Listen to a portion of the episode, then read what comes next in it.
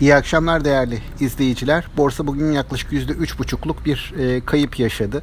Geçtiğimiz haftanın kayıplarını da dikkate aldığımızda e, buradaki kayıp yaklaşık %10-11 seviyelerinde gerçekleşmiş oldu e, zirve seviyesi aşağı yukarı zirve seviyesine göre. E, bu düşüşten sonra da e, endeksin geldiği seviyeye baktığımızda yaklaşık olarak yine 15 Haziran seviyeleri yani e, Haziran'ın ortasından itibaren borsanın tüm getirileri sıfırlanmış oldu bir anlamda son 2-3 e, seanstaki düşüşlerin ardından.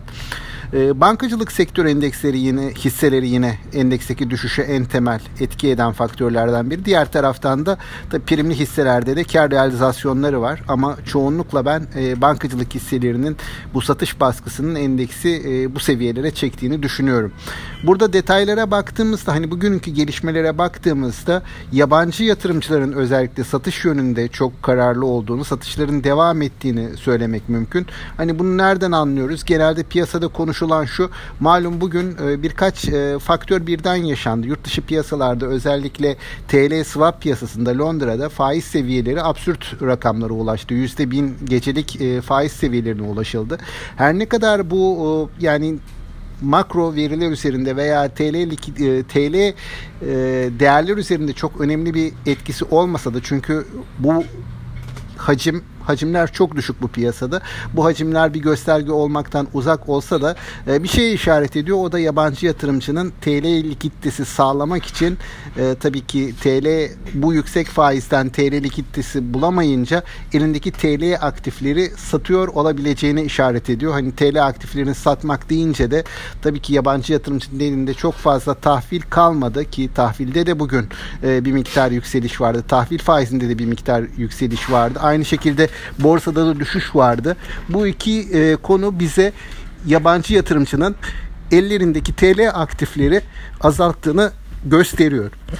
Ee, burada hani yine e, bugünkü aslında veri akışına baktığımızda olumlu veriler olduğunu söylemek mümkün. Hani neler var e, olumlu veri akışı içerisinde?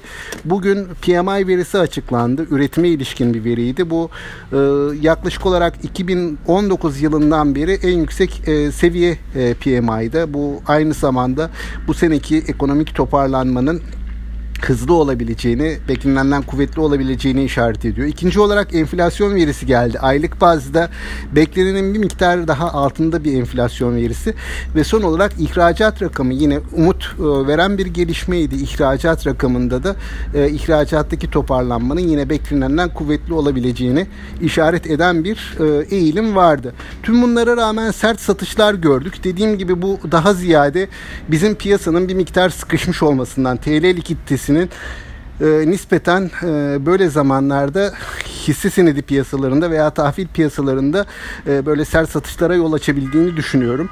Böyle bir gün geride bıraktık. Aynı zamanda rezervlere ilişkin e, kur üzerindeki baskının hala sürüyor olması, e, son dönemde enflasyonun artış eğilimiyle birlikte faizlerin tekrardan yükselebileceği beklentileri yatırımcıları, yerli yatırımcıyı da yabancı yatırımcının bu satışında bir miktar e, onların da pay almasına, rol kapmasına sebep oldu diye düşünüyorum. Seansın kapanışına yakın e, Almanya'dan gelen olumlu bir haber var. Almanya e, Türkiye'nin dört turizm bölgesini e, bu Türkiye'deki e, uyarı listesinden Türkiye'ye ilişkin turistlere dönük yayınladığı uyarı listesinden çıkardığını açıkladı. Bu bölgeler Türkiye'nin en çok Alman turist çeken bölgeleri aynı zamanda.